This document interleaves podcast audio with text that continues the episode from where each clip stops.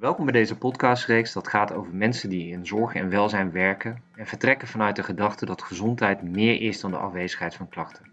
Ik ben Stefan Ermsen, 45 jaar en nu ondertussen ruim 20 jaar werkzaam in de zorg. Wat ik zo mooi vind, is dat het concept van positieve gezondheid heel mooi aansluit op mijn Afrikaanse roots. Ubuntu. Zonder jou ben ik niet. Het verbonden zijn aan elkaar heeft invloed op onze gezondheid. En zonder deze verbinding kan er ook geen kennis gedeeld worden. En vandaag spreek ik Judith Jimkes. Judith is praktijkondersteuner in een huisartspraktijk in Zeeland. En wat ik het leuke vind aan het gesprek met Judith is dat zij juist met haar ervaringen laat horen hoe zo'n proces in een regio verloopt. Hoe in 2003, vanaf het moment dat ongeveer die chronische zorg van ziekenhuizen naar huisartspraktijken toe kwamen, hoe dat proces verlopen is tot waar ze nu zijn met pilots waarin zij positieve gezondheid in de huisartspraktijk proberen in te dennen. Ze wil eigenlijk haar collega huisartsen en praktijkondersteuners hier ook voor enthousiasmeren. Leuk je even te spreken. Wij spreken elkaar natuurlijk omdat jullie als uh, Periscaldus een, uh, een project hebben waarin jullie uh, meer positieve gezondheid in de huisartspraktijk aan, het, ja, aan het ontdekken zijn en aan het toepassen zijn. Wil je iets kort over jezelf vertellen? Wie, wie ben je? Ja, ik ben uh, Judith Jimkes. Ik ben uh, inmiddels uh, 54 jaar. En ik werk als praktijkondersteuner in de huisartsenpraktijk sinds 2003. Dus dat is ook alweer een poosje. En daarnaast werk ik voor Periscaldus in de verschillende werkgroepen, eigenlijk vanaf 2008. Dus dat is ook alweer een poosje. En het leuke van in die werkgroepen zitten is dat ik naast mijn werk ook gewoon wat beroepsoverstijgend bezig kan zijn. En dat kan meedenken in, uh, in beleid, uh, een stukje kwaliteit, scholing. En uh, dat maakt mezelf ook rijker, moet ik zeggen. Dat vind ik ook leuk om steeds mezelf te prikkelen om het, om het nog beter te doen.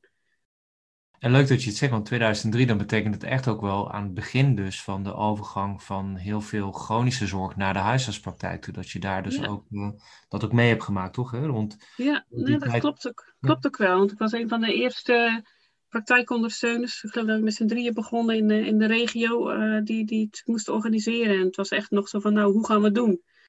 Nu is het allemaal wat uh, kant-en-klaar voor de mensen die erin stappen in het vak. Maar wij moesten het echt nog bedenken. Dus het was ook wel leuk en ook heel leerzaam. Ja, en ik vind het nog steeds superleuk.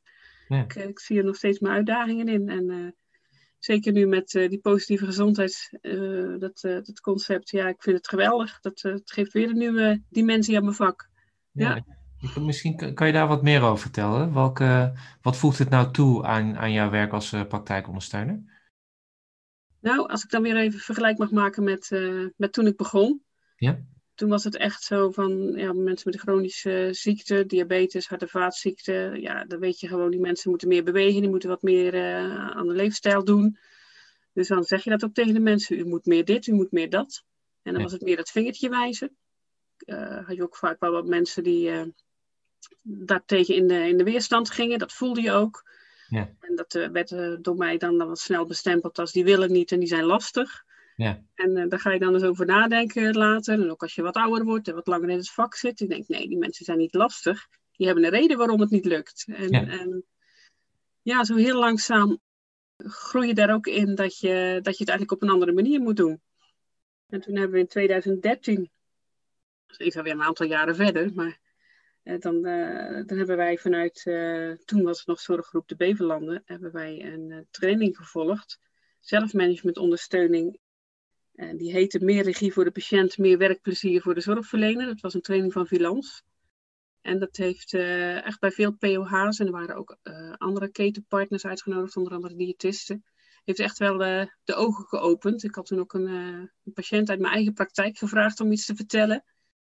Ja, en dat was echt een eye-opener voor heel veel POH's, want die vertelden dus ook van, jullie hebben mij nog nooit gevraagd waarom ik eigenlijk wil dat mij. Uh, waarom kom ik eigenlijk op het spreekuur? Waarom wil ik eigenlijk uh, een, een betere lab hebben? Nee, ik wil helemaal geen beter lab hebben. Ik wil gewoon van mijn pillen af. Dat is mijn drijfveer.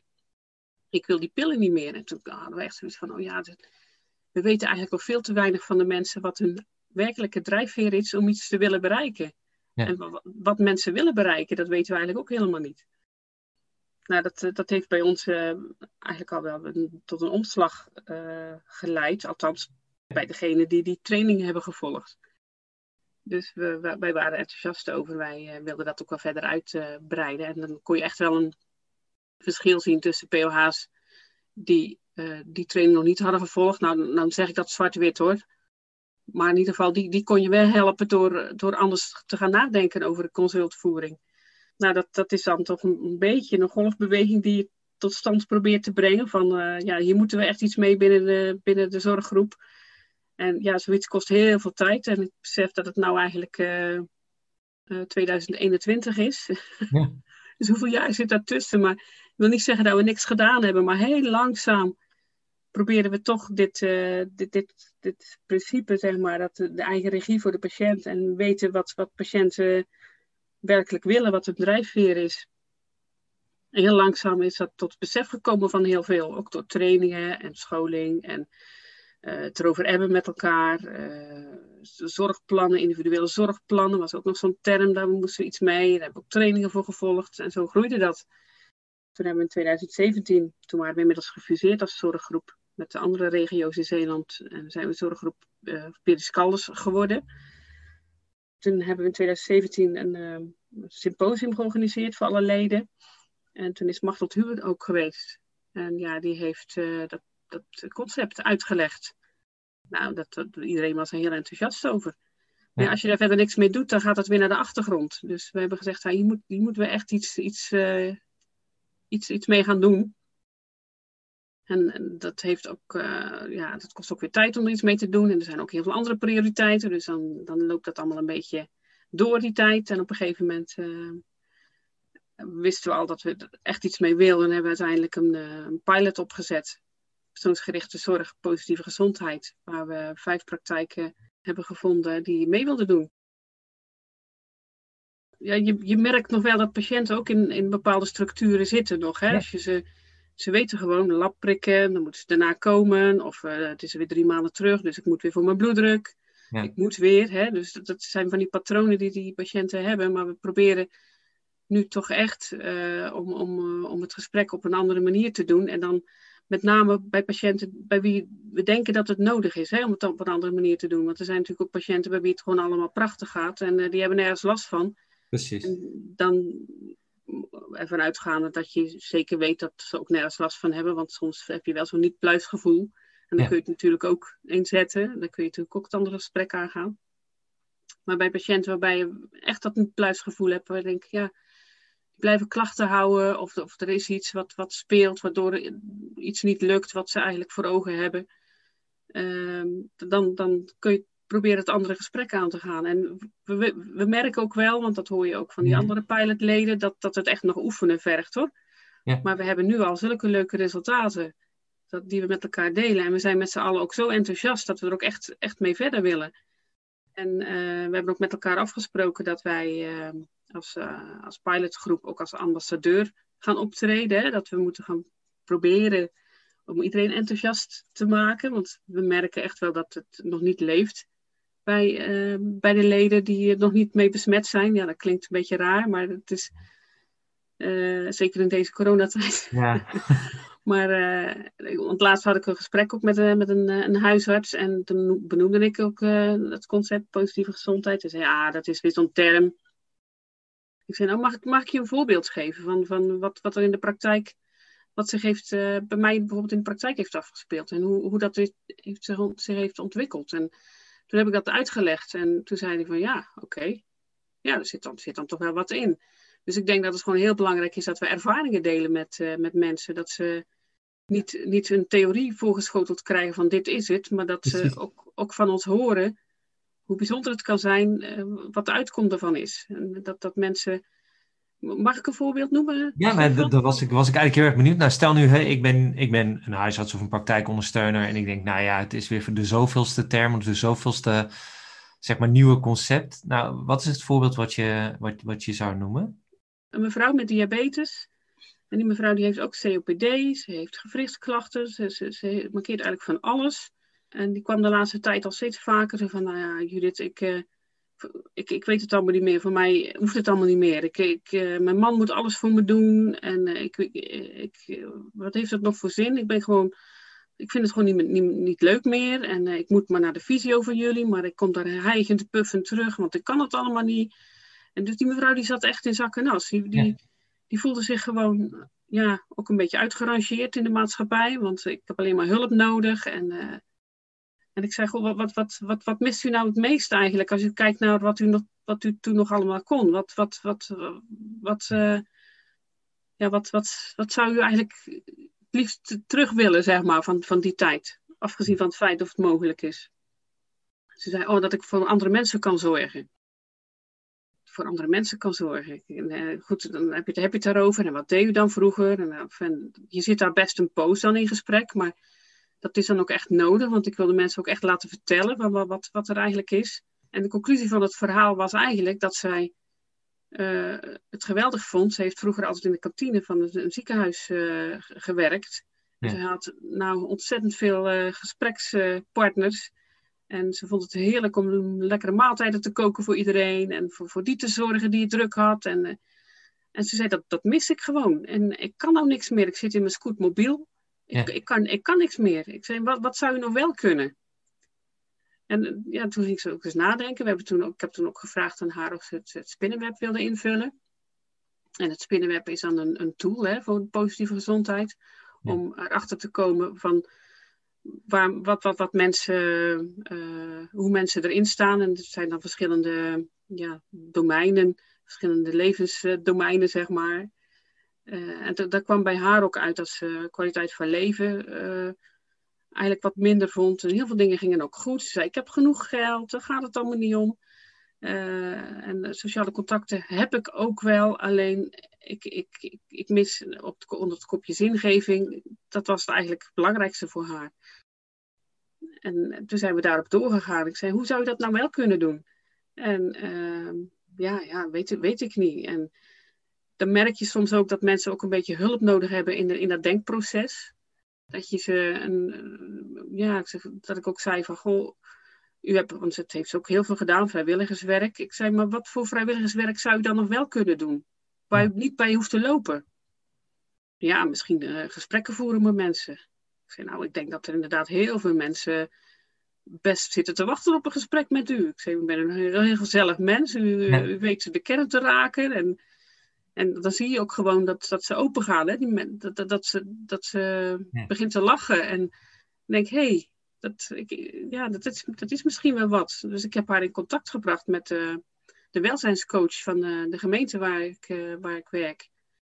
En die zijn samen even, even de conclusie, eh, tot het uh, eindsom gekomen dat zij ingezet gaat worden als vrijwilliger bij een dagopvang. Ja. En dan hoeft ze helemaal niet veel te doen. Maar ze, ja, ze, ze zit daar en, uh, en ze heeft gesprekken met mensen en ze enthousiasmeert mensen. En, nou, de laatste keer dat ik ze sprak, ze zei: Judith, dit heeft mij gered. Nou, als iemand dat zegt. Ja. En ze was enthousiast. Ze zei: ik, ik, ik, ik kan zelf weer dingen doen ik kan zelf mijn dagindeling bepalen. Eh, ze heeft inmiddels een, uh, een scootmobiel aangevraagd. Ze zei, dan ben ik ook wat mobieler. Dit, dit, dit, is gewoon een leuk verhaal. Als je daarover nadenkt, denk je, het is helemaal niet zo ingewikkeld. Het is, eh, het is heel simpel. Alleen, je moet, er, je, moet, ja, je moet er even samen achter komen wat, wat dan voor die mensen belangrijk is. Ja. Ja, nou mooi wat je zegt, want ik denk wel dat dit een voorbeeld is wat natuurlijk gelijk ook heel duidelijk is. Hè? En bijna zelfs uh, bijna gewoon boerenverstand dat het zo werkt. Ja, zo simpel. Ja. Zo simpel is het.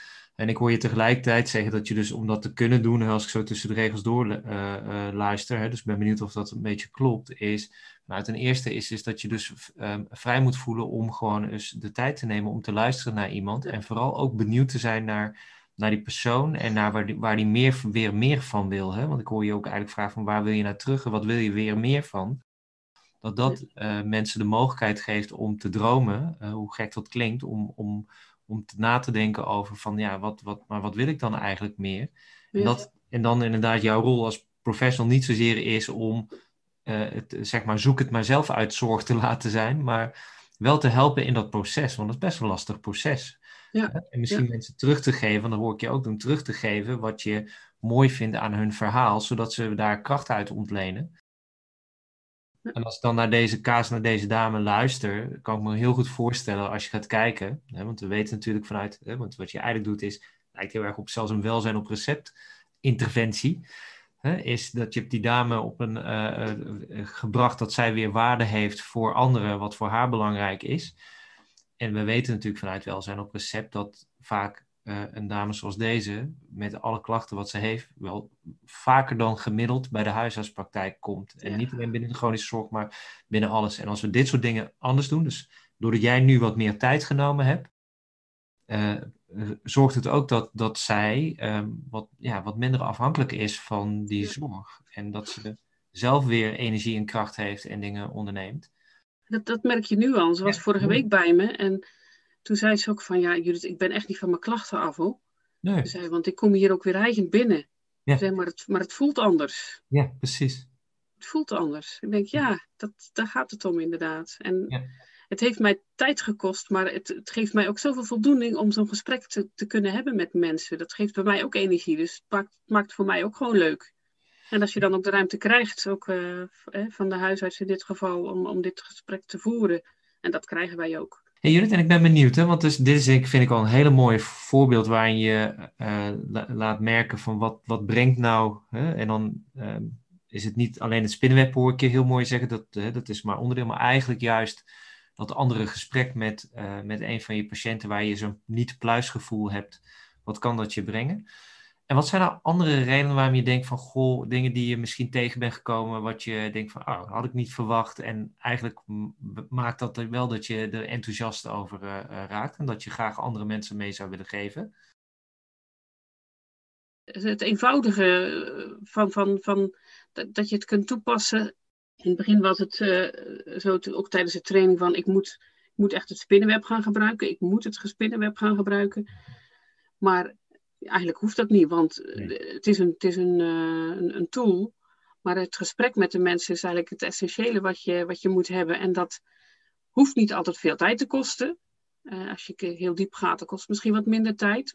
Of wat meer tijd. Maar als je gewoon het gesprek gaat met de mensen, komen er eigenlijk vanzelf al dingetjes naar boven. Het is, het is de techniek van het gesprek voeren. En dat, dat zijn eigenlijk heel eenvoudige manieren, zeg maar. maar maar je, moet het, je moet het wel even doen. Je moet het wel even in je vingers krijgen. En dat merk ik ook wel dat ik dat nog niet altijd in mijn vingers heb. Dat ik als een patiënt weg is, ik denk van, oh, oh ik had het misschien op die en die manier moeten doen. Maar dat is het voordeel van de praktijkondersteuning. Mensen komen altijd weer terug. Dus dan, uh, je hebt altijd een herkansing. en dat is ook wat je, ja, wat, je, wat je leert en wat je ook al gewoon accepteert. Ik denk, nou prima, dat komt dan de volgende keer. Maar ik, ik leer nog steeds. Ja, maar mooi. En ik denk ook, ik denk ook misschien ook wel logisch. Hè? Dat het niet eens zozeer is dat het um, want het, kijk, elke persoon is anders en je hebt natuurlijk niet het hele verhaal bij een persoon. En ook die persoon zelf heeft een verwachting van de zorgen. Die komt bij jou en die verwacht dat jij adviezen gaat geven en dat jij gaat helpen. En misschien verwachten ze zelfs dat je gaat zeggen, je moet eh, meer afvallen, je moet meer gaan bewegen. En, hè, want dan zijn ze gewend dat op die manier we al, al jaren tegen, tegen ze praten. En dan ga je in één keer over een andere boeg gooien. En dan vraagt het ook even daarin tijd uh, met elkaar om om naar dat nieuwe punt toe te komen. Ja, toch? Dus dat is, daar kom ik wel vaker tegen hoor. Ik zou het niet zozeer als, uh, als nog, uh, ja, dat het dan niet lukte, maar gewoon ook omdat het is niet voorspelbaar. Je kan niet, als je een gesprek hebt met iemand, ook al heb je je vraag goed voorbereid, ja, je, je weet niet wat daar precies uitkomt. Maar het geeft wel, en dat hoor ik je zeggen, een haakje voor de volgende keer. Ja, ja. Het zet vaak ook mensen aan het denken. Dat is denk ik ook de manier of de, de ruimte waarop ik, eh, de, de ruimte die ik mensen geef, denk ik, in het gesprek. Want had heel toevallig voor, van de week nog een, eh, een, mevrouw voor me zitten. Ik denk, die mevrouw, ik weet het niet. Die, die, ik vind ze wat warrig, wat vergeetachtig. En, en ik denk, wat, hoe ga ik dat uh, bespreken met die mevrouw? En dus ik, ik dacht, nou, ik, ik zeg het gewoon van, goh, het valt mij op dat u wat makkelijk dingetjes uh, vergeet. Uh, ervaart u dat zelf ook? En toen ging ze zitten, ze ging zo achteroverleunen. En toen begon ze te vertellen over, over de, de zorgen die ze eigenlijk had. En ze zei, ik heb het eigenlijk nog nooit tegen iemand verteld, merk ik. Ik denk, hé, hey, ik geef haar ruimte. En toen kwam er nou, toen kwam er echt heel veel op tafel. Ik zei, ja, maar nu, nu begrijp ik waarom u misschien wel eens wat dingetjes in mijn ogen vergeet. U heeft gewoon hele andere dingen aan uw hoofd. Ja. En ja, dan, uh, dan, dat is dan ook een stimulans om nog meer te vertellen. Dus uh, ja, dan ga je ook denken van nou, die mevrouw moet op een andere manier uh, ondersteuning krijgen. En dan zoek ik ook van ja, hoe, hoe kan ik deze mevrouw helpen? En, en toen heb ik ook haar gevraagd van ja, wat, wat zou u op dit moment nodig hebben? Ze zei nou, ja, weet ik niet. Ik, zei, ik, ik, praat hier niet graag met andere mensen over, want ik, ik schaam me daarvoor. En ik wil er eigenlijk niet, niet over, niet dat het andere mensen dit weten. Ik zei, maar zou het u ook niet opluchten als u er in ieder geval met iemand over kan praten? Ja, ze zei, dit, dit lucht mij al op. Ik denk, nou prima. En toen heb ik ook verteld dat wij een POH GGZ hebben. Ja. Maar ze misschien ook de verhaal kwijt kan. Want ik dacht ook van, ja, dat kan ik wel willen doen, maar ja, past het binnen mijn vakgebied? Weet ik daar voldoende van? Wat, wat, uh, dat gaat er allemaal door je hoofd. Dus ik, ik heb uh, contact gezocht met de POH GGZ en haar met, uh, met haar in contact gebracht. Ik denk, ja, dat is het resultaat van, van het feit dat ik die mevrouw de ruimte geef en dat ik haar laat praten. Dat ik niet conclusie trek van, nou, die mevrouw is verward aan het worden. En hup, zet maar in het dossier, mevrouw maakt verwarde indruk en doorgaan met de bloeddruk meten. Nee, dan moet je kijken wat er eigenlijk allemaal achter zit, hè. Nou, wat ik, wat ik mooi vind wat je doet, want dat is natuurlijk, hè, ik denk veel mensen denken dat positieve gezondheid vooral die spinnenweb is, maar hè, Machteld heeft een heel mooi stukje geschreven over de essentie van positieve gezondheid. En wat, het daar eigenlijk, wat daar de kern van is, is precies wat jij doet. Hè? Dus die, het belangrijkste, zeg maar, eh, kracht of veerkracht is de persoonlijke zingeving. En om daar te komen heb je eigenlijk eerst persoonlijke erkenning nodig. En ik denk wat wij wel, en ik merk, ik doe het ook niet van nature. Hè? Als je dus iemand ietsje doet en in mijn hoofd vorm ik dan een beeld wat er gebeurt, geef ik het niet altijd terug, omdat het ook niet altijd prettige dingen zijn. Hè? Het kan ook, hè, het is een beetje van, ja, goh, wat gebeurt er nou als ik dit teruggeef? Ik kan me voorstellen dat je ook, hè, dat uh, toen je dat haar teruggaf, dat, dat, uh, dat het best spannend kon zijn van, ja, hoe reageert ze hier nu op? Ja. Ja. En eigenlijk wat je daarin doet, is haar de kans geven om te zeggen ja of nee. Hè? Maar je, je, legt, je geeft haar de ruimte, dat zeg je ook. Hè? Dus die ruimte is enorm belangrijk. Maar ook dus wat we soms onderschatten, eh, dat, jij, dat zij zich ook gewoon gezien voelt, gehoord voelt. Uh, en, en, ook dus, en dat uit zich in ruimte. En zij kan dan vervolgens haar verhaal voor het eerst doen. Ja. Dat dat wel, wel echt wel, wel belangrijk is. Omdat de, kern van wat wij in die eerste lijn doen, is het ondersteunen van gedragsverandering. Dus het zit in gedrag. En ja. gedrag is gewoon lastig voor ons allemaal. Hè? Voor de, en dat we daar iets meer compassie mogen hebben voor die ander. Uh, en nou, dat vind ik echt mooi hoe je het vertelt hoor, Judith. Dat uh, ja, ja, vind ik echt de kern. Dat vind ik misschien nog wel precies wat je zegt. Is dit het belangrijkste in dat gedachtegoed van, van positieve gezondheid? Is om op deze manier mensen gesprekken te hebben. Mooi. Ja. En, en ik vind, vind ook de, de, de nieuwe standaarden, die geven ook nog steeds meer ruimte voor persoonsgerichte zorg. Hè? We, ze, ze zeggen ook van, nou ja, die, die cijfertjes, uh, ze zijn wel belangrijk, hè, want dat, dat, focussen we ons bijna allemaal nog op. En eigenlijk willen we daar ook eigenlijk vanaf. Ja. Maar ja, je moet altijd wel een, een manier hebben om, om te kunnen controleren of de zorg uh, wordt gegeven zoals we dat graag willen. Uh, maar de, in ieder geval de ruimte om, om niet per se te behalen wat de NAG wil dat wij behalen, die, die hebben wij nou steeds meer. Ja. En dat is gewoon, geeft ook gewoon een goed gevoel dat dat mag. Ja, dat klinkt misschien raar, want we wisten eigenlijk altijd wel dat de patiënt zelf ja. mocht bepalen wat hij wilde. Ja. Maar dat we nu, niet, nu, nu ook van vanuit de andere kant in ieder geval worden gestuurd in die richting, dat is uh, ook een fijn gevoel. Ja. ja, precies. Maar dat is natuurlijk ook omdat we, en dat is inderdaad, vind ik mooi, die, die ontwikkeling en die, en die standaarden, is, is dat we hebben nu ook iets om, zeg maar, aan de subjectieve patiëntkant uh, uh, te gebruiken. Kijk, ja. dus tot die tijd hadden we dat natuurlijk veel minder. En nu heb je wel een kader, want nu zullen we kunnen zeggen van ja, in de toekomst dan gaan we veel meer kijken naar uh, ervaar jij dat jouw gezondheid verbetert? Ervaar jij als patiënt dat, uh, dat, wij, uh, dat wij zeg maar um, ja, vanuit jouw, um, jouw motivatie, vanuit jouw behoefte aan het werken zijn? En als we dat zeg maar wat, wat meer kunnen doen en ook kunnen laten zien, dan, dan ja, zijn die zijn die, die medische waardes zijn aanvullend en niet leidend. Ja, uh, precies. Dus hoor ik je ook inderdaad ja. zeggen. Dus ze zijn heel goed dat ze niet standaard staan, maar ze zijn eigenlijk een soort van aanvullend, een soort van een thermometer. Ja, als ik koorts heb, betekent ook niet altijd dat ik iets per se geks moet doen. Ja. Hè? Maar ik moet wel even opletten. Uh, maar als ik een bepaalde, in een bepaalde context koorts heb, ja, dan moet ik acuut handelen. Hè? Dus het is meer informatie dan dat het uh, waarheid is. Ja, dat is een mooi vergelijk wel, ja. Hey Judith, echt leuk. En, en heb jij nog misschien een paar tips? Hè? Dus stel, ik ben, ik ben uh, praktijkondersteuner of ik ben huisarts bij jullie in de regio, hè? want daar nemen we dit natuurlijk ook voor op, hè, voor jullie collega's. En ik denk, ja, positieve gezondheid, ik hoor mensen er enthousiast over zijn. Wat, wat raad je die persoon nu aan? Ik denk dat het beste, want we kunnen zeggen van het is leuk en het is goed en het is effectief. Maar mensen moeten het gaan ervaren. En uh, ik vind wel dat ze wel een training gevolgd moeten hebben, of in ieder geval daardoor met, met die training ervaren dat het uh, effectief is, maar dat ze ter voorbereiding toch die filmpjes gewoon eens moeten zien. Ja, precies. En, en ik denk ja. dat dat het ervaren is denk ik het beste. Ja. ja, want dat is misschien ook goed, hè? dus voor die, die opzet die we met jullie gemaakt hebben. En ik denk dat die, hè, daar hebben we ook besproken, dat dat, dat was natuurlijk ook de eerste keer hè, op die manier door COVID, hè, dat we het volledig digitaal moesten doen. Uh, ja. Dat het wel compacter kan.